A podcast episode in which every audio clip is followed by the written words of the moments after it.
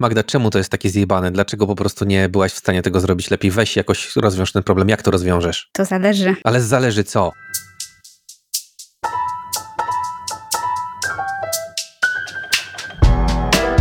Słuchasz podcastu Zależy co, w którym dwójka senior designerów wywołuje i rozwiązuje konflikty. Ja się nazywam Piotrek. A ja się nazywam Magda i dzisiaj porozmawiamy sobie o tym, jak wchodzić w konflikty w mądry sposób i jak z nich w mądry sposób wychodzić.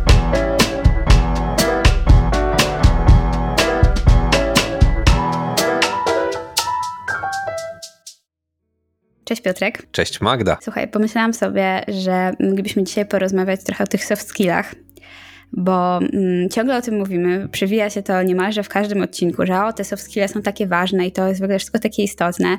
No dobra, ale jakby dokładnie co i w jaki sposób.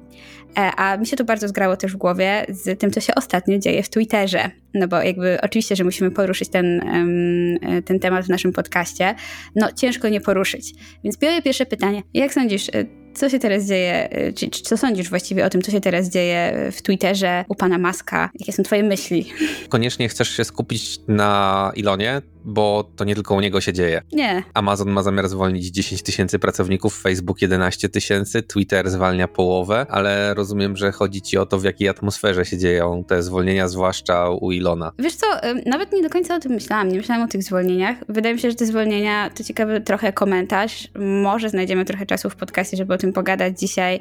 E, ciekawy komentarz do naszego drugiego odcinka o kryzysie. E, i o tym, że wcale nie ma być tak źle, a jednak e, okazuje się, że w Dolinie Krzemowej trochę trzęsienie ziemi. Natomiast odnosząc się do Twittera, bardziej miałam na myśli w ogóle to, co się stało w tej firmie w kontekście zarządzania, wprowadzania nowych funkcjonalności, na szybko, delikatnie rzecz biorąc, i, i tego, jak właśnie jak to się wszystko odbywa. No bo i ja oczywiście obserwuję to wszystko z pewnym, z pewnym rozbawieniem, tak? Natomiast e, pomyślałam sobie przede wszystkim o tym, jak ciężko musi być teraz być e, designerem, czy programistą zresztą też, w Twitterze, że to jest po prostu bardzo trudny moment. Mamy takiego mega konfliktu. I, I bardziej myślałam, że, że do tego się odniesiesz. Z, z, mojej perspektywy to ciężko mówić o tym, żeby to był jakiś wielki konflikt. To znaczy, trochę rozumiem, o co może chodzić Maskowi, nie, broń Boże, nie bronię tego, w jaki sposób to się dzieje, ani też jakie to ma następstwa, bo te następstwa z jednej strony są komiczne, a z drugiej strony jest to straszne, gdzie przez sam ten niebieski znaczek wprowadzasz y, nagle całkiem realne szkody bo wystarczyło właśnie stworzyć sobie fejkowy profil, napisać jakąś głupotę i potem akcję twojej firmy, znaczy tej firmy, którą atakujesz, sru w dół. No, to jest jeden aspekt, ale też wchodzi tutaj moim zdaniem taka e, bardzo szeroko rozumiana społeczna odpowiedzialność biznesu i jednak Twitter jest jedną z tych platform um, współcześnie, gdzie ludzie zdobywają informacje i y, jakby jest jednym z podstawowych właśnie źródeł tego, skąd czerpiemy informacje o, o świecie. No i y, to, co robi Musk, moim zdaniem, jest trochę nieprzemyślane pod tym kątem, że szczególnie w tych czasach, w jakich żyjemy obecnie, napędza pewne kwestie związane z dezinformacją, czy ułatwia przynajmniej pewną dezinformację i właśnie Mm, wprowadzanie do obiegu jakichś tutaj opowieści chwastów, jak to ostatnio ładne, natknąłem się na ładne określenie. No, bardzo ładne określenie. Wiesz co, wydaje mi się, że w kontekście Ilona to jest trochę tak, że on w pogoni za w sumie słusznym celem, to znaczy tu może dodać trochę kontekstu biznesowego by wypadało. Twitter każdego dnia tracił bodajże 4 miliony dolarów, więc jest bardzo, bardzo, bardzo taką e, stratogenną platformą, tak bym to ujął. Więc z jednej strony prowadzisz biznes, który powinien być odpowiedzialny, a z drugiej strony przez swoje różnego rodzaju decyzje do tej pory sprawiasz, że on jednak każdego dnia wymaga tego, żeby inwestorzy się do niego dołożyli. Ale to mówisz jeszcze o tym, zanim Musk przejął Twittera, tak? Tak, znaczy to, kurde, bo to jest trudny, trudna sprawa, kiedy Musk przejął Twittera, nie? W sensie to, to, to jest niekończąca się historia, która zaczęła się ładnych parę miesięcy temu, po czym się z tego wycofał, e, bo stwierdził, że tam jest dużo fake kont. Słusznie jest, to prawda. Więc to może nie do końca był prawdziwy powód, natomiast to był ten czas, ten czas kilku miesięcy. E, on raczej pozwolił zorientować się, jak wygląda kondycja Twittera i co należałoby zrobić, żeby tą kondycję poprawić.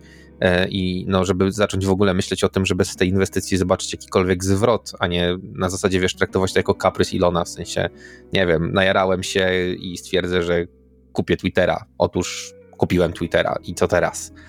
E, więc te, ten kontekst biznesowy wydaje mi się jest tutaj istotny i w pogoni za tym, żeby właśnie szybko tą platformę w jakiś sposób e, reanimować. Może nie tyle reanimować, co wpuścić ją na tą taką drogę e, profitability, no niestety zostało popełnionych dużo błędów. To takie trochę, no nie wiem, ja to lubię nazywać takim zarządzaniem typu pożar w burdelu.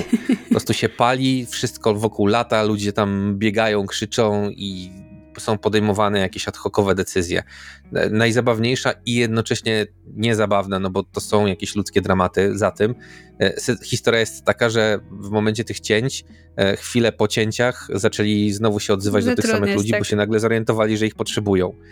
Więc to jest w ogóle no, taki chichot losu trochę, nie? I pokazuje bardzo, bardzo nieprzemyślane, długofalowe skutki twojej decyzji, która ma miejsce teraz. No właśnie, e, no ale moim zdaniem to jest, to jest właśnie, do tego trochę dążyłam, to, to jest właśnie moim zdaniem ciekawy mm, punkt wyjścia dla naszej rozmowy, no bo... Yy, tak jak sam zauważyłeś, być może cele biznesowe, czy, czy jakaś taka ogólna idea, jaka stoi za tym, co tam próbują zrobić w Twitterze, nie jest aż tak um, um, nierozsądna, jak niektórzy chcieliby to przedstawiać, ale jednak no, coś poszło nie tak, ewidentnie.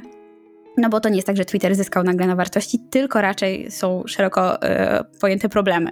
No i teraz chciałam się zapytać Ciebie, bo mamy dzisiaj rozmawiać trochę o, o konfliktach i o rozwiązywaniu różnych trudnych sytuacji. E, I właśnie pierwszym tematem, który chciałam poruszyć, to jest jak rozmawiać z takimi klientami czy z takimi interesariuszami, którzy przychodzą do nas i mają jakiś pomysł albo chcieliby coś zrobić i no, powiedzmy tak, że nie do końca się z tym zgadzamy, tak? To nie znaczy, że tam wszystko jest. Y, użyję tego słowa głupie, tak? E, ale, y, ale jednak no, coś ewidentnie nam nie bangla. E, no, i co robić w takiej sytuacji? Jak sobie z takimi sytuacjami radzić? Wiesz co, no tutaj wydaje mi się, że ścieżki są dwie. Możesz zaakceptować coś z tak zwanym obrzydzeniem, więc trochę chowasz dumę do kieszeni i akceptujesz to, że będziesz robić coś, z czym możesz się nie do końca zgadzać albo ci się nie do końca podoba gdyż i tutaj znowu jest jakiś większy cel, czy na przykład, nie wiem, ciasny deadline, czy cokolwiek takiego, albo właśnie próbujesz stakeholdera przekonać do swoich racji. No i tutaj możesz użyć no, szerokiego spektrum narzędzi, technik do tego, żeby komuś pokazać inny punkt widzenia i jeszcze go podeprzeć jakiegoś rodzaju danymi, z którymi no, ciężko będzie w sumie dyskutować. E, oczywiście jest kwestia tego, jak te dane zostały zebrane i tak dalej, i tak dalej, wiadomo. Ale właśnie, tutaj trochę muszę cię bo ja mam w swoim doświadczeniu takich klientów, którzy mają bardzo silną wizję tego, co powinno zostać osiągnięte i mimo tego, że pojawiają się jakieś dane albo pojawiają się jakieś badania, e, to y, nie czują się do końca przekonani do tego i chcieliby jednak próbować e, swojej wizji. Czasem możesz zrobić tak, że pozwoli, znaczy pozwolisz, no to nie jest do końca twoje pozwolenie, natomiast no, zgodzisz się z tym, żeby właśnie zrealizować ich wizję i na przykład na produkcji pokazać im, jakie były konsekwencje ich decyzji. To jest jedna z metod na to, żeby w późniejszym czasie oczywiście zaprezentować swoje zdanie, pokazać, że właśnie no, to jest stan zastany, to jest jakby twoje decyzje sprawiły, że jest tak, no i teraz będziemy to na przykład poprawiać i doprowadzimy to do jakiegoś tam stanu innego. Niekoniecznie mówiąc komuś, że wiesz co, twoja decyzja była głupia, czy, czy do dupy, czy zupełnie nieprzemyślana, chodzi mi o to, że przy takim challenge'owaniu wprost raczej spotkasz się z bardzo dużym oporem, tudzież wywołasz większy konflikt niż ten, w którym na początku uczestniczysz. Tam konflikt interesów, tutaj będzie to jeszcze konflikt personalny, więc czasem po prostu nie warto, nie? I w imię, jeżeli masz czas, jeżeli masz budżet, e, no to możesz po prostu pójść daną wizją i potem na małych po prostu elementach iterować i doprowadzić to trochę do swojego, do, do, do, do... E, skończy się na tym, co chciałbyś wprowadzić, e, co chciałeś wprowadzić na początku, tak? Czy dobrze rozumiem? Tak, dobrze rozumiesz. To znaczy, historia zna trochę takich przypadków. E, o ile dobrze pamiętam, to chyba było Yahoo, które, tylko to akurat tak, przykład taki już typowo konsumencki, gdzie Yahoo zmieniło kolor tła w swojej wyszukiwarce na szary albo na biały, już nie pamiętam, w którą to stronę było. No i był oczywiście duży opór użytkowników, że ale jak to, że to tak nie może być i w ogóle. E, I jakby cofnięto tą zmianę, natomiast to, co się działo przez następne tygodnie, to stopniowo zmieniano odcień tego koloru, aż doszło do właściwego, że tak powiem, tego zaplanowanego e, pierwotnie odcienia. I trochę o to mi chodzi, w sensie tego typu technika. Mhm. No to na pewno taki, w ogóle to fajny przykład na taki, uwielbiam to sformułowanie e, big boom change, kiedy nagle się spuszcza na użytkowników jakąś olbrzymią zmianę i, i jest jakiś backlash, to, to na pewno fajny przykład.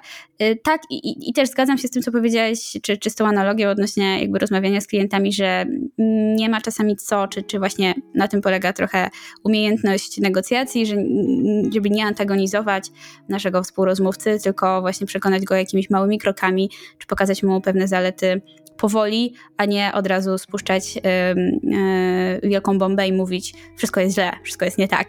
To, to się z tym zgodzę. E, ale wydaje mi się też, że powiedziałeś jakby bardzo ważną rzecz w międzyczasie. Mm, to znaczy, żeby nie dać się temu konfliktowi stać konfliktem personalnym, tylko żeby utrzymać go w ryzach jakiejś tam e, merytoryczności.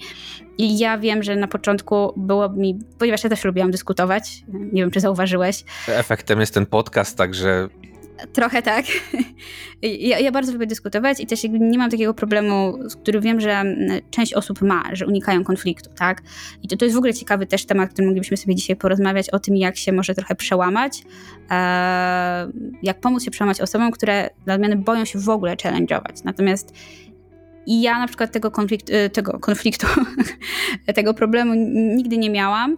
Raczej miałam problem w drugą stronę, to znaczy, że bardzo się wkręcałam w dyskusję i jakby pozwalałam im, e, no bo wydaje mi się, że UX designer, mimo że oczywiście nie pozwala klientowi na wprowadzanie zmian bądź nie, bo nie jest decyzyjny, to jednak w pewien sposób jest odpowiedzialny za menedżowanie właśnie tym procesem, tą relacją i, i dyskusjami, jakie się dzieją. E, I, ja na przykład pozwalałam tym dyskusjom znacząco się y, wymknąć pod kontroli, tak? I jakby one się stawały nie tylko zbyt personalne, ale też jakby odchodziliśmy od tematu w ogóle, jakim jest dowódca projektu. I wydaje mi się, że to jest dość takie też problematyczne, żeby trzymać się jednak tej merytoryki i, i też swoje emocje trzymać w ryzach.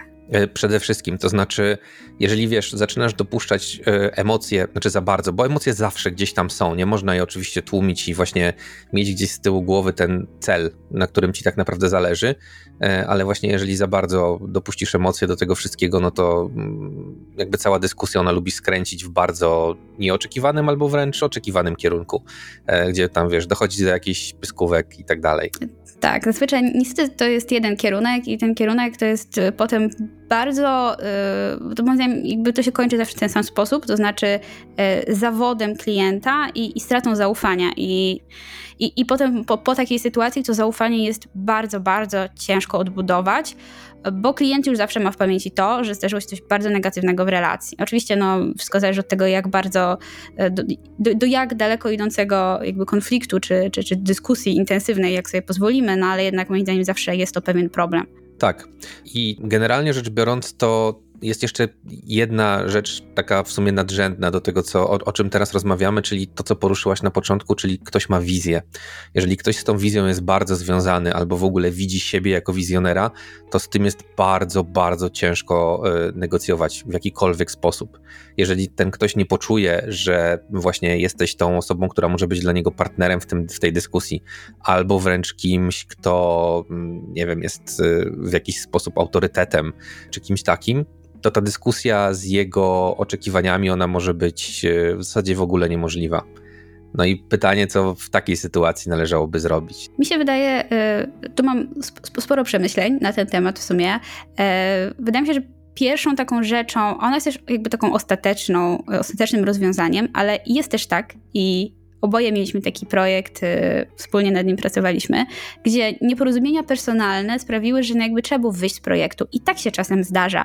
To znaczy, zdarza się niestety tak, że nie udaje się zbudować tej relacji, bo to się moim zdaniem sprowadza właśnie do, do relacji z klientem i czasami nie udaje się tego zrobić, jest jakieś nieporozumienie personalne i, i warto sobie zdawać sprawę, że jest zawsze opcja po prostu wyjścia z jakiegoś projektu. Znaczy, miejmy nadzieję, że, że, że wszyscy mają taką możliwość i i nie jest tak, że, że są gdzieś tam na, na granicy jakiejś przeżywalności, ale, ale zawsze jakby ostatecznie, kiedy, kiedy zdarza się taka sytuacja, można poprosić o, o, o inny projekt, tak, albo o, o, gdzieś tam przesunięcie może trochę do innego um, obszaru pracy, no bo też nie ma co się męczyć. I wydaje mi się, że to jest ważne, żeby też to wybrzmiało, że ostatecznie zawsze jest taka możliwość i to też jest jakieś rozwiązanie konfliktu, bo czasami te kwestie personalne są, są trudne i to też wpływa na naszą pracę i nie ma się tu co oszukiwać.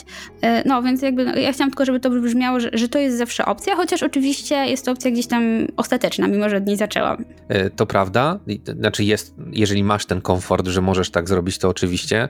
E, no jest jeszcze trochę pewnie pośrednich rzeczy, które mogą tam zostać zastosowane. Jak najbardziej, zgadzam się. No jakby budowanie całej relacji z klientem jest takim procesem bardzo długotrwałym, ale teraz chciałabym dla odmiany przeskoczyć do samego początku, to znaczy zazwyczaj w projekcie y, nowym, który, który mamy, jest jakaś faza discovery, nie? Faza, w której y, nawet jeżeli nie robimy jakichś badań, potrzeb, tak, to jednak odkrywamy ten projekt, dowiadujemy się od klienta, o co mu chodzi, jakie ma oczekiwania, i wydaje mi się, że to jest y, jeden z kluczowych punktów w projekcie, kiedy właśnie taką relację możemy sobie zbudować z klientem.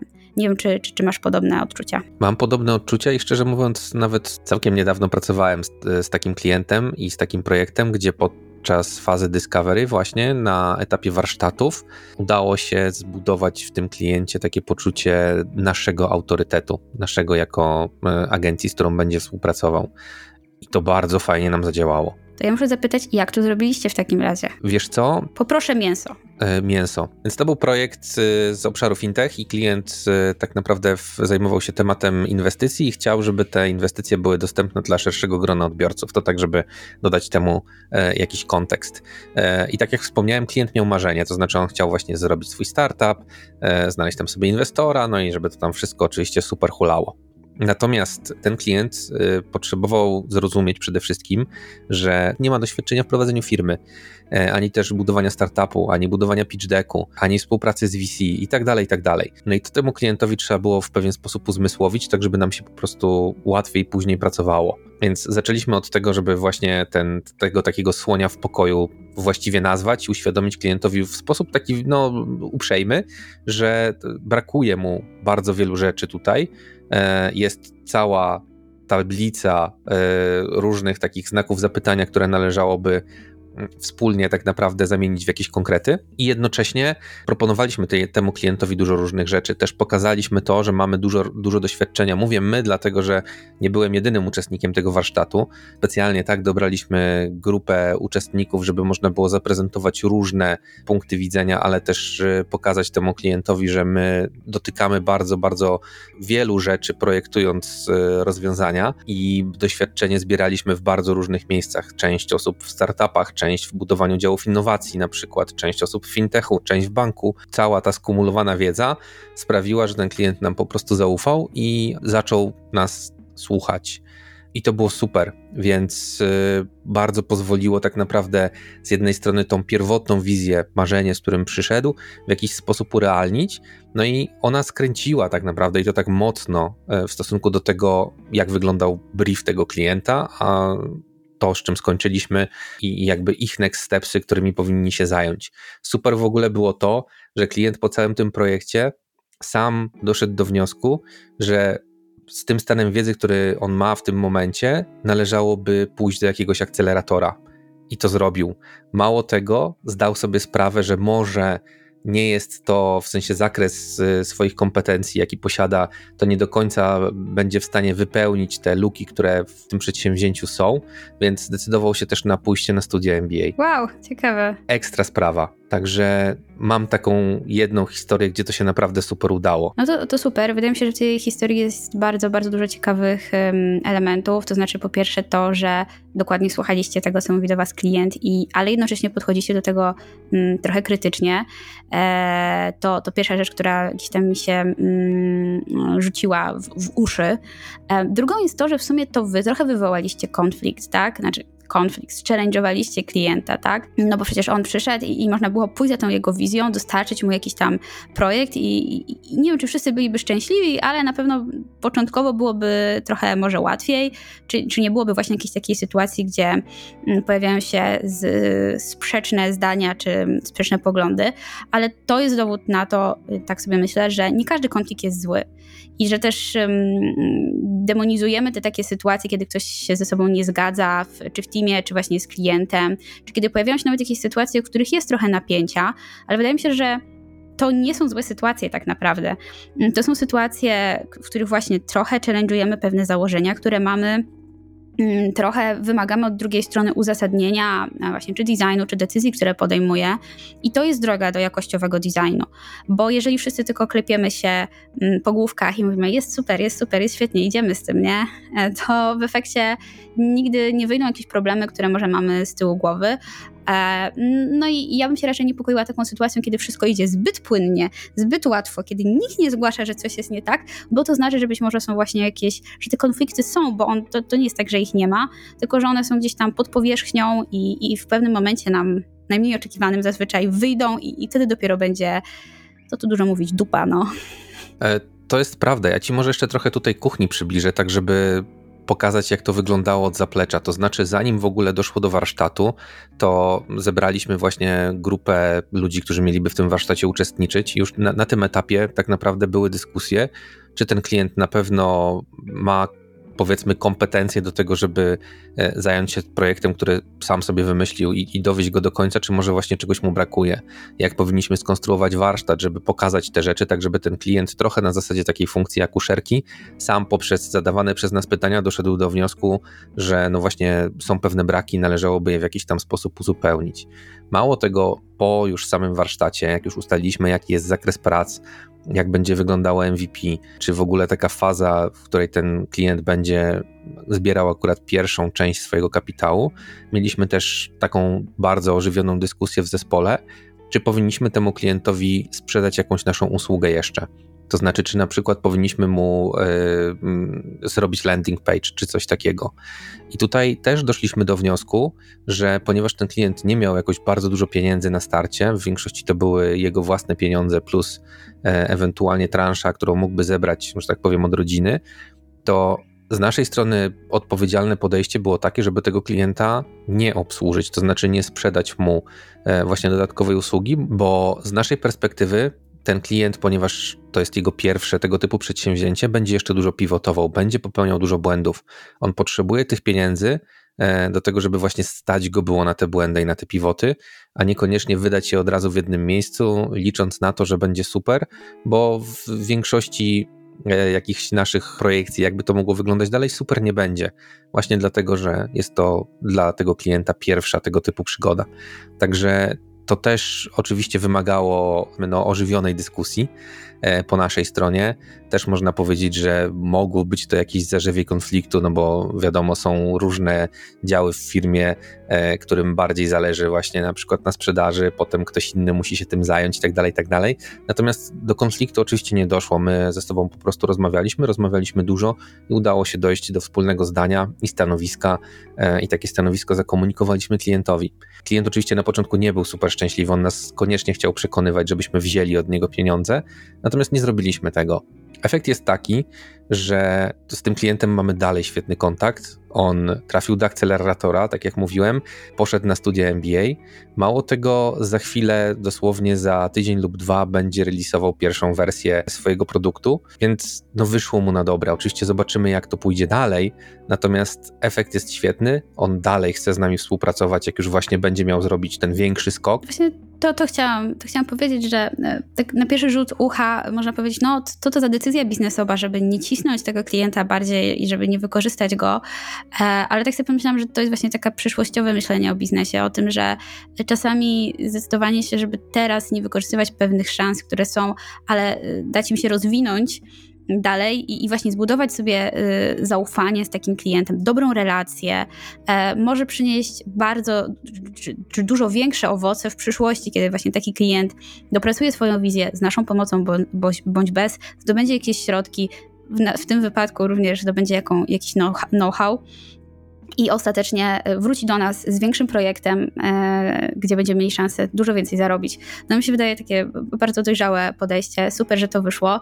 Mm, to co ciekawego jeszcze, e, tak jak sobie siebie słuchałam, udało mi się wydestylować, to mm, jak bardzo ważne jest właśnie to konstruktywne przekazywanie feedbacku, bo myślę, że to też była mm, znacząca kwestia tutaj, o tym rozmawialiśmy też w sumie w większości poprzednich odcinków z Wojtkiem Kutyłą również, o tym, jak ważne jest dawanie feedbacku, który mówi o tym, co można zrobić, tak? To nie na zasadzie, ten, ten feedback, który mu przekazaliście, nie był na zasadzie o Jezu, pan to się nie nadaje, pan to, albo pani w sumie, nie wiem, e, czy to była klienta, klientka, dwóch czy panów. dwóch panów, czyli panowie to w ogóle nic nie wiecie, e, panowie nie, nie macie tutaj know-how, w ogóle bez sensu, idźcie sobie od nas, albo kupcie od nas landing page właśnie i idźcie sobie od nas, e, tylko raczej było to na zasadzie, okej, okay, to może nie jest ten etap, ale są różne opcje, którymi możecie pójść. E, to nie jest tak, że ten projekt jest, czy ten pomysł jest przekreślony, tylko jest dużo opcji, w których możecie um, się rozwijać dalej, nie? Po prostu to nie jest ten etap na te działania.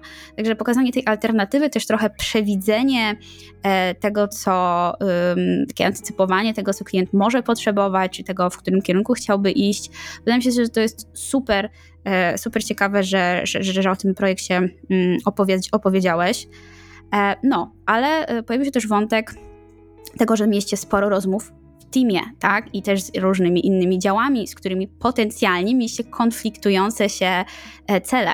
No bo powiedzmy pewnie dział biznesowy chciałby jednak sprzedać ten landing page, zarobić więcej dla firmy, no a wy stanęliście okoniem tak?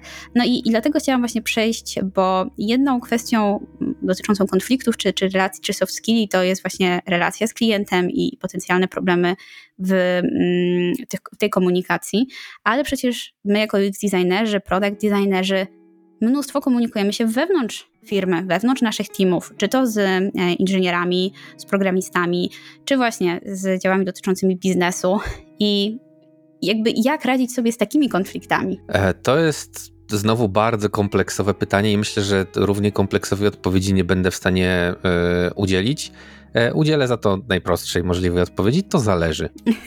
Naszej ulubionej. Naszej ulubionej, dokładnie. Wiesz co, to jest zawsze case specific. E, w naszym wypadku to wyglądało w ten sposób, że przede wszystkim znalazłem partnerów, którzy dzielili ze mną zdanie i w ten sposób byliśmy w stanie zbudować jakąś taką pewną, powiedzmy sobie, frakcję osób, które mają wspólny cel.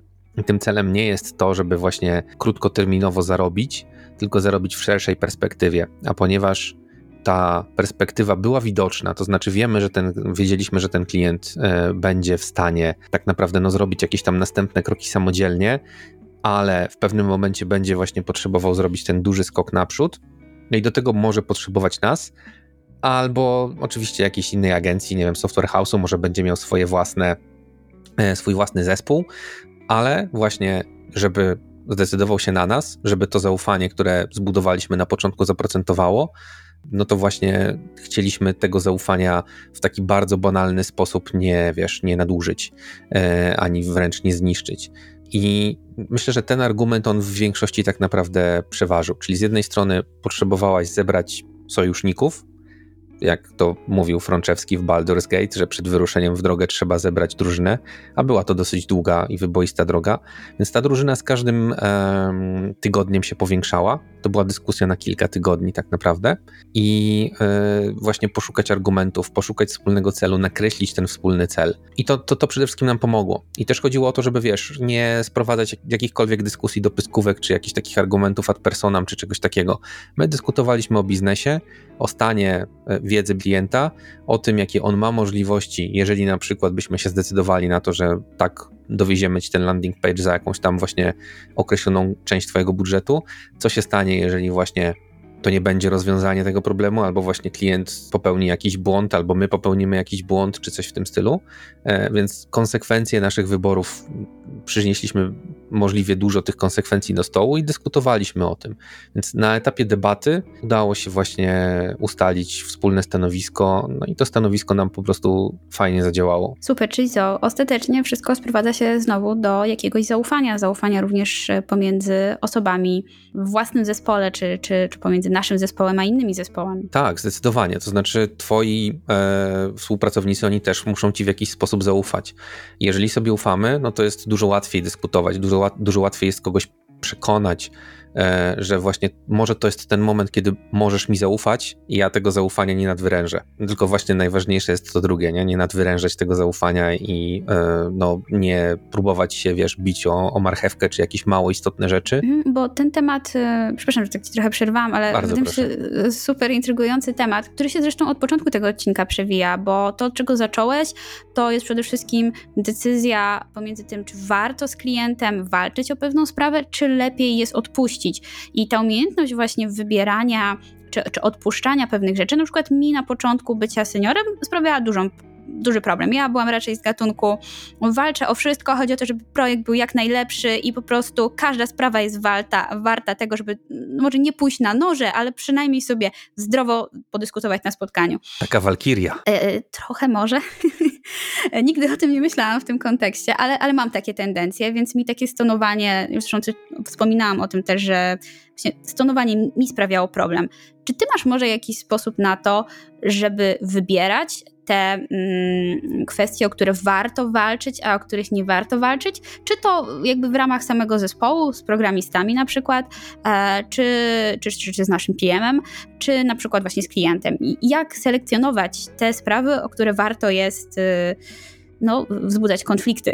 To jest bardzo, bardzo dobre pytanie i odpowiedź na nie sprawi mi pewnie... To zależy. Nie, nie, nie. Właśnie teraz postaram się, postaram się zrobić to inaczej. Natomiast ta odpowiedź sprawi mi, od razu ci mówię, dużo trudności, bo mm, ciężko jest mi nakreślić jakiś schemat, czy taki, nie wiem, nawet chart decyzyjny, jak powinnaś zrobić, żeby właśnie zdecydować, które to rzeczy, e, o które rzeczy będziesz kruszyć kopię, a, a które są tego niewarte. Szczerze mówiąc, to jest trochę tak, że staram się, jeżeli mamy właśnie, nie wiem, dużo takich konfliktowych rzeczy, które, co do których się nie zgadzamy, ja na przykład często staram się poszukać y, też jakiegoś mediatora, który mógłby z nami w tym na przykład uczestniczyć. Mhm, a szukasz go w ramach firmy, czy to jest na przykład profesjonalny mediator?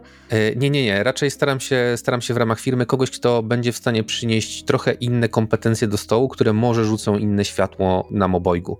Bo ja też nie zakładam, wiesz, to nie jest tak, że w takiej negocjacji czy dyskusji koniecznie jest jedna strona, która ma rację, a druga, która się myli. Możemy mieć oboje rację, oboje się możemy mylić. To jest jakby jak najbardziej ok. I właśnie często doproszenie innych osób do stołu sprawia, że właśnie zyskujemy trochę inne światło. No i teraz pytanie, jak na to personalnie zareagujemy, nie? Czy to jest tak, że ktoś pokazuje ci inną perspektywę, ty się koniecznie z nią nie zgadzasz? Czy ktoś pokazuje ci inną perspektywę i ty będziesz tego słuchać. Przyjmiesz z pokorą właśnie inne zdanie. Tylko, że dojście do tego momentu, w sensie do, do takiej powiedzmy sobie dojrzałości, to zajmuje trochę czasu. I musisz się często nauczyć właśnie na przykładach, w których no, jesteś tą stroną, która, e, no nie wiem, właśnie walczy o coś, spiera się i tak dalej, i tak dalej. Przez te właśnie różnego rodzaju konflikty i walki, które toczysz, dojść do tego momentu, w którym właśnie potrafisz z pokorą wysłuchać tych stron i właśnie często schować swoje własne ego do kieszeni. Więc to jest jedna z wielu metod. Pokora. Tak, life y, naszego podcastu. Trochę tak, jest to tego typu y, właśnie motyw, natomiast y, oprócz pokory wydaje mi się, że też często warto jest szukać sensu czy znaczenia w tym, co mówi ci ta druga strona. Bo to nie jest za każdym razem tak, że masz, wiesz, dwa przeciwstawne silosy, z których każdy ciągnie w swoją stronę. Zazwyczaj cel mamy wspólny, tylko drogi dojścia do tego celu, one już wspólne mogą nie być. To jest takie właśnie ciężkie do rozważenia. Czasem jest też tak, że ja szukam pocieszenia w jakichś mniejszych rzeczach, czyli na przykład e, godzę się na to, że no, zrobimy coś tak, jak sobie tego życzysz, ale na przykład, czy w tej sytuacji możemy zrobić tak, że ja zrobię jakieś, nie wiem, tam dwie inne rzeczy w taki, a nie inny sposób. Czyli wiesz, poszukiwanie jakiegoś kompromisu. Ale ja osobiście nigdy nie mówię o tym, że to jest win-win, tylko dla mnie ten taki kompromis jest osiągnięty wtedy, kiedy obie strony wychodzą jednakowo niezadowolone. Tak, żeby nie pudrować tego, nie, nie szukać tego takiego, wiesz, sztucznego właśnie, że kurczę, tutaj zajebiście, tak, wyszliśmy zadowoleni z mojego doświadczenia rzadko kiedy tak jest. No, ja właśnie, ja pamiętam takie, kiedyś miałam takie zajęcia z mediacji i, i właśnie tam było takie założenie, że nie chcemy osiągnąć kompromisu, bo to jest jak dwie strony muszą spuścić e, stonu trochę i, i obie strony wychodzą trochę niezadowolone, tylko właśnie szukamy takiego rozwiązania, które sprawi, że obie strony będą zadowolone. Trochę się z Tobą zgadzam, że jest to utopia i nie zawsze się tak da. I w ogóle z perspektywy UX designerów czy, czy, czy designerów, w ogóle fajnie, jak mamy okazję wypracowywać jakiś kompromis, tak? Że klient daje nam tyle przestrzeni, żeby rzeczywiście mm, dać się trochę przekonać, czy nawet jak nie jest przekonany, dać nam trochę wolności twórczej e, i, i dopuścić pewne pomysły, tak, sprawdzenie ich, to jest na pewno w ogóle fajna sytuacja, bo czasami jest tak, że jeżeli klient jest nieprzekonany, no to nie odpuści, tak, i, i ja też rozumiem pod tym kątem klientów.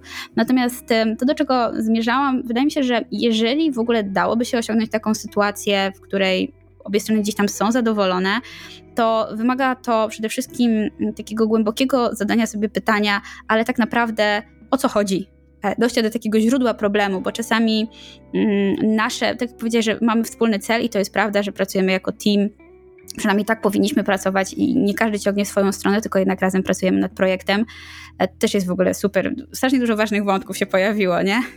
E, więc to, to mi się wydaje, że jest podstawa i jakby gdzieś tam dość istotna kwestia właśnie, żeby myśleć o tej naszej pracy jako wspólnej pracy, no ale nawet w ramach tej przestrzeni ja widzę jakby to, że mm, czasami mm, powody różnych działań, które podejmujemy, są różne i, i jeżeli mieliśmy, mielibyśmy w ogóle kiedykolwiek osiągnąć taką sytuację dwóch czy trzech zadowolonych stron, e, wszyscy mają swoje ciasteczko, no to, to, to właśnie musimy sobie zadać pytanie, komu na czym zależy, tak? Często, może nie często, ale zdarza się pewnie tak, że e, klient, e, który do nas przychodzi, bardziej naciska na stronę biznesową rozwiązań, my na stronę użytkowników. Wydaje mi się, że można znaleźć takie Mhm, takie rozwiązania, które jakby satysfakcjonują i użytkowników, i biznes, tak? No tylko, żeby to zrobić, to trzeba jakby trochę zejść z poziomu rozmawiania o tym, czy ten kolor, czy inny, upraszczając sprawę, e, czy, czy o, o samym rozwiązaniu, ale jakby właśnie dokopać się trochę do tego źródła, o co tej drugiej stronie tak naprawdę chodzi jak pewne rzeczy wyglądają w ogóle z jej strony, nie? Tak, i to jest bardzo ważny wątek, który poruszyłaś i często sprowadza się do tego, że ten klient, on jest niekoniecznie osobą e, najwyżej jakby postawioną w swojej e, organizacji, on ma jakieś swoje cele, ma jakieś swoje KPI, tego typu rzeczy. Warto do tego klienta wyjść i się dowiedzieć, jakie to są te jego personalne cele. Jak można na przykład pomóc mu w jego karierze, w obszarze jego organizacji przez projekt, który wspólnie realizujemy jeżeli dowiesz się tych rzeczy, mm, no to też może ci to ułatwić podejmowanie decyzji e, i sugestie pewnych rozwiązań. Jeżeli właśnie to, ten klient też poczuje, że to jest właśnie coś, co, co jest w zgodzie z jego własnymi celami. No ale to też wymaga takiego, wiesz, e, właśnie no, wyjścia do klienta, schowania tego miecza Walkirii, no i poszukania odpowiedzi, które no, na pierwszy rzut oka no, nie są dla ciebie dostępne. Tak, ale też w ogóle wydaje mi się, że to, co jest tutaj trudne, z tym, na przykład i czego ja nadal staram się uczyć, to jest e, taka wysoka świadomość e, tego, co się dzieje. To znaczy, że ja nie jestem tylko skupiona na tym, co jest merytorycznie się dzieje w projekcie i właśnie na tych rozmowach merytorycznych dotyczących, no nie wiem, przesunięcia tego przycisku bądź nie, zmienienia tej laybacky bądź nie, tylko też jakby na takim poziomie mm, interpersonalnym dostrzegania pewnej, dy, pewnej dynamiki relacji pomiędzy naszym zespołem, a, a, zespołem klienta, tak, czy mną, a, a klientem. To mi się wydaje bardzo trudne, no bo łatwo jest powiedzieć w momencie, kiedy się już, y, że tak powiem, dyskusja rozgorzeje, e, łatwo jest wtedy powiedzieć, kurczę, no, wpadliśmy w jakąś sytuację konfliktową, chyba mamy jakiś problem związany z mm, komunikacją, ale wychwycenie tego na wcześniejszym etapie, kiedy okej, okay, tu widzę, że może być jakiś obszar problematyczny, i wtedy właśnie zrobienie tego kroku wstecz, zapytanie się, dobrze, to o co chodzi, jakie są twoje cele, e, co chcesz właściwie osiągnąć, dlaczego tak istotna jest dla ciebie ta kwestia, to jest trudne, nie? No bo mówię, w sytuacji, kiedy jest już konflikt, to, mm, to też jest w ogóle ciekawe pytanie, co robić, kiedy się już konflikt mm, pojawi, no bo dużo rozmawiamy o tym, jak go uniknąć, w tym sensie, że nie jak ominąć problem, tak, tylko jak nie doprowadzić do sytuacji konfliktowej tylko rozwiązywać problemy w inny sposób. E, więc to mi się wydaje, tak, że istotne jest, że to jest ta trudność, tak wysoka świadomość właśnie tego, co się dzieje w relacjach. Nie, nie uważasz? E, zgadzam się, aczkolwiek powiem ci, że paradoksalnie wydaje mi się, że jak już konflikt jest, to jest, to jest stosunkowo łatwo, Dlatego, że zazwyczaj wtedy ujawniają się wszyscy interesariusze tego konfliktu, więc wiesz mniej więcej, znaczy mniej więcej, wiesz z dużą dozą pewności, jak wy dokładnie wygląda Twoje otoczenie. E, I w jaki sposób możesz właśnie teraz sobie w tej sytuacji konfliktowej y, próbować poradzić. Masz stakeholderów, możesz właśnie szukać e, stronników, którzy, no, których będziesz potrzebować, no bo strasznie słabo walczy się samodzielnie versus właśnie kilka innych armii, tak to nazwijmy, więc na pewno ich będziesz potrzebować po swojej stronie, więc to jest dosyć e, zabrzmi dziwnie, ale dosyć komfortowa sytuacja w, tej całym, w tym całym braku komfortu. Dużo trudniej jest na etapie, zanim konflikt się pojawi, gdzie właśnie spora część e, tego otoczenia jest dla ciebie nieznana. E, gdzie właśnie też często przychodzisz do danego klienta, do danego projektu tylko na chwilę i masz tą świadomość, że ty tu jesteś na moment dosłownie. Nie masz znowu tyle czasu, żeby właśnie zmapować sobie to całe otoczenie, zorientować się, gdzie są jakieś też wewnętrzne konflikty, w których możesz nieświadomie uczestniczyć na przykład. Więc to też jest e, takie dosyć wymagające. Tutaj mam inny przykład niezakończonego projektu, w którym designer uczestniczy jako oręż kogoś, kto stwierdził, że... Czyli nie, walk, nie Valkyria a miecz. W tym wypadku miecz, tak, można go jakoś fancy nazwać. Excalibur, o, tak, będziemy dzisiaj e, grzebać w mitologii różnej. Ten designer uczestniczy w tym projekcie jako właśnie narzędzie, tudzież oręż kogoś innego, e, gdzie właśnie nie, jakby z, o jego obecność poprosiła, poprosił inny wysoko rankujący stakeholder, a stakeholder, z którym miałby pracować bezpośrednio, w ogóle nie ma dla niego zajęcia i jest zajęty, crunchuje i próbuje dowieść projekt do końca. No i ten designer jest postawiony w takiej sytuacji, w której no nie bardzo wiadomo, co zrobić dalej. To powoduje w ogóle no, szereg innych problemów. Nie? nie wiadomo, jak w ogóle na to zareagować, gdzie no, klient ci nie do końca powiedział, że on jakby potrzebuje cię w takiej roli na przykład.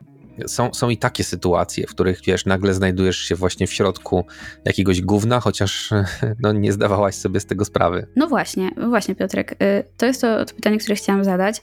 No a co, bo, bo, sporo rozmawialiśmy o tym, dobrze, no i co zrobić, żeby te relacje się dobrze układały, jak, jak budować to zaufanie, wszystko super, no ale załóżmy, że nie z naszej winy trafiamy do jakiegoś, do jakiejś sytuacji, która już jest konfliktowa, albo jednak mimo naszych wysiłków ten konflikt taki negatywny, tak? Nie challenge'owanie siebie w pozytywny sposób, tylko negatywny konflikt y, się, się rodzi. Jak sobie y, radzić z tą sytuacją? Oczywiście no poza tym, co ja mówiłam, że zawsze mamy możliwość wyjścia tak, z projektu, no ale to jest powiedzmy trochę atomówka, tak, e, i jakaś ostateczność. Co można zrobić, kiedy taka sytuacja już naprawdę trochę eskaluje? E, wiesz co, to, e, to jest też tak, że rzadko kiedy, przynajmniej no, w naszej pracy w, w tego typu projekcie i w tego typu konflikcie jesteś sama, chociażby z ramienia właśnie Software House'u. I są też inne osoby.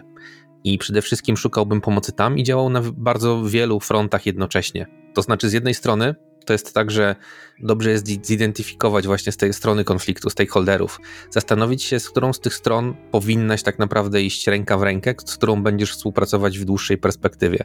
W tym konkretnym przypadku dłuższą perspektywą wydaje się strona tego heada designu, który będzie de facto twoim przyszłym szefem w ramach tego, e, tego assignmentu. E, natomiast są inne osoby, nie wiem, osoby odpowiedzialne za rozwój tego biznesu, accounci, project managerowie, e, oni też muszą i powinni odegrać swoją rolę w całej tej sytuacji, więc przede wszystkim zacząłbym od komunikacji z nimi, przedstawienie konfliktu, wyjaśnienie, jak to wygląda z Twojej perspektywy i jasno powiedzenie, jakiego rodzaju pomocy potrzebujesz. I wydaje mi się, że to jest dobry pierwszy krok. No i potem, w zależności od tego, co się wydarzy, no to może pójść w bardzo wielu kierunkach. Nie wiem, czy opisywać tu teraz wszystkie, chyba nie. Natomiast wydaje mi się, że to jest właśnie pierwszy krok.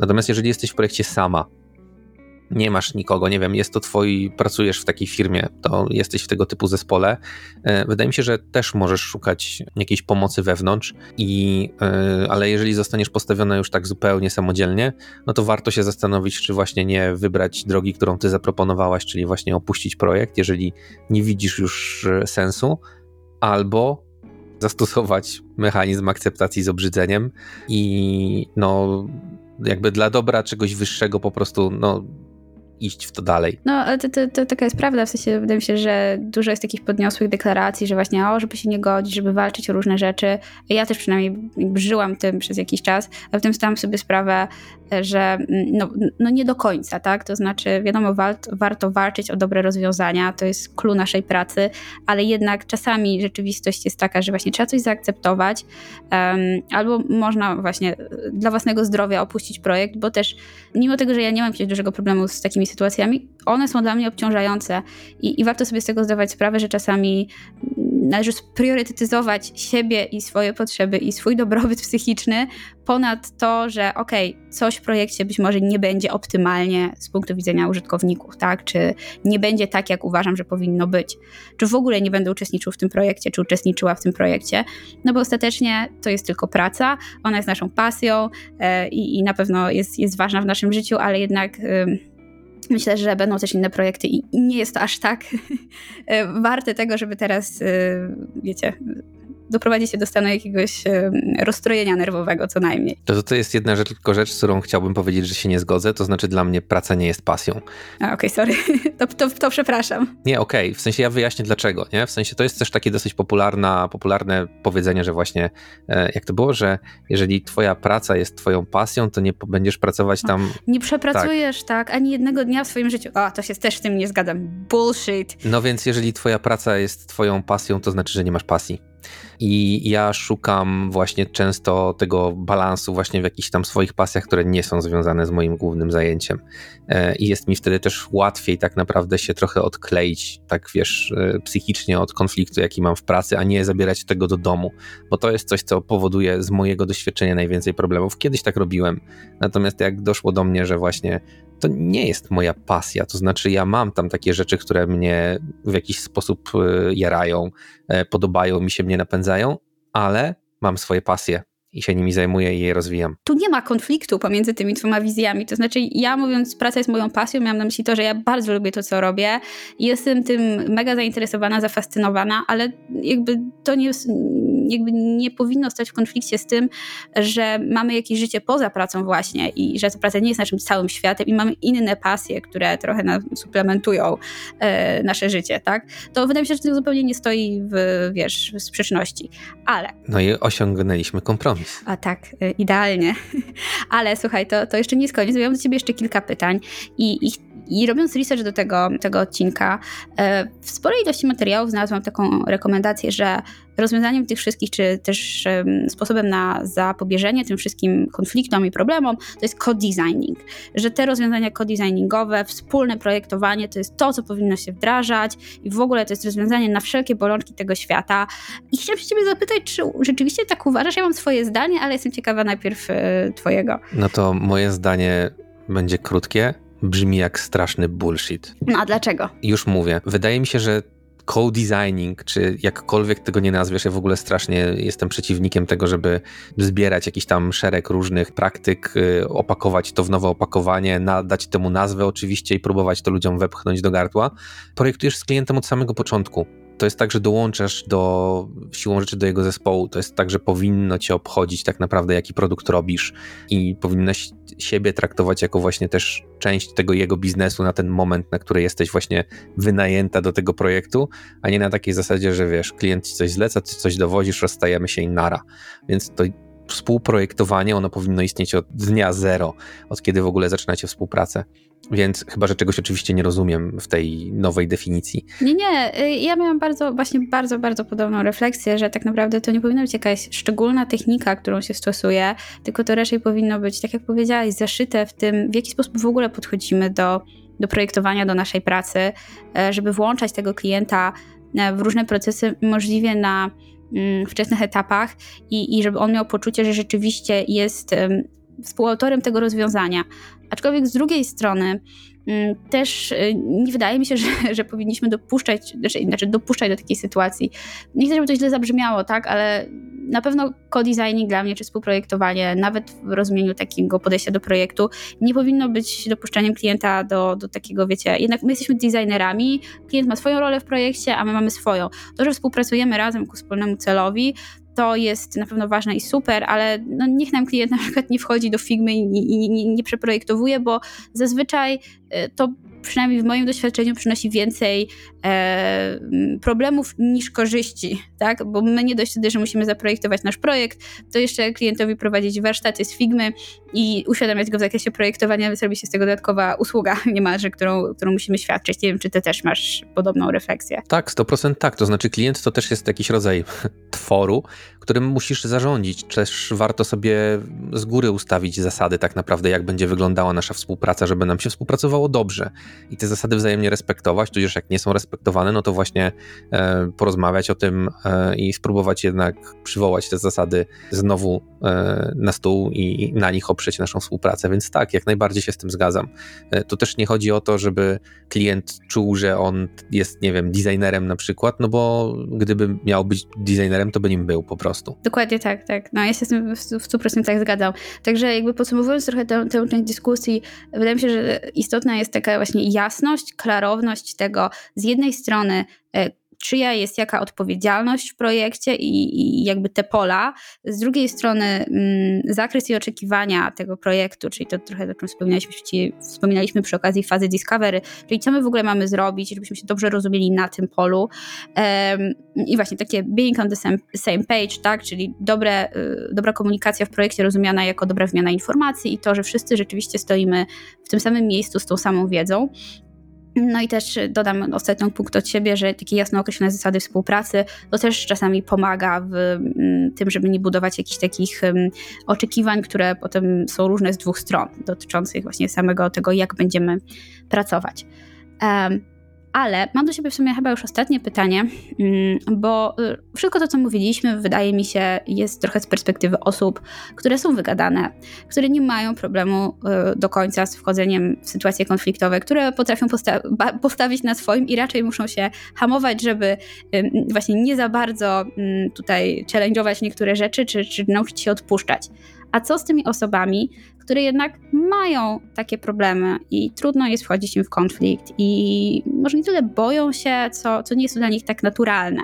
Jak sobie radzić, jak właśnie z tej perspektywy wybrać te sytuacje, o które walczyć, jak może się odważyć? Czy masz na to jakieś sposoby, rady? E, świetne pytanie e, i szczerze mówiąc, ja wręcz specjalizuję się w sytuacjach konfliktowych i lubię projekty, które idą w złym kierunku i to jest trochę też jakby no związane z zestawem cech, jaki ja wnoszę do projektu.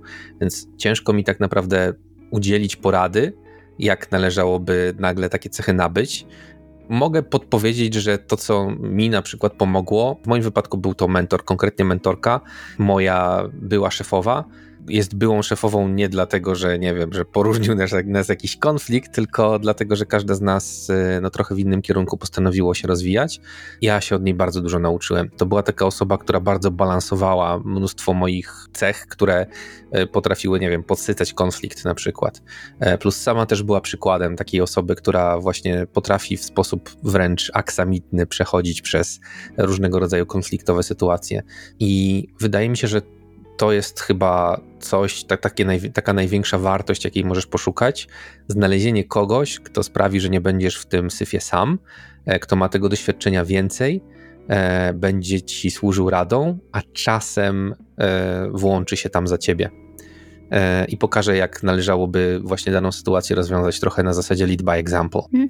Tak, no to, to mi się wydaje, że, że jest super ważne. Też w ogóle czasami samo poczucie tego, że okej, okay, ja nie muszę tego wszystkiego robić sam, sama, że ja mam taką możliwość właśnie w, w, sytuacji, która jest, zaczyna być dla mnie trudna, odezwać się do kogoś innego, poprosić o pomoc, mentora czy mentorka, ale też dużo wspominałeś o tym, jak opowiadałeś o swoich projektach, że tam istotnym czynnikiem było to, że dużo różnych osób kontrybuowało z różnych dziedzin, z różnych pól, z różną wiedzą. Mm, także sama świadomość tego, że właśnie nie muszę tego jakby robić sama, e, możemy to zrobić razem, czy z mentorem, czy właśnie poprosić kogoś z innego działu. Ktoś może być takim e, mediatorem, jak to ładnie powiedziałeś. To mi się wydaje, że jest, jest, jest chyba super ważne.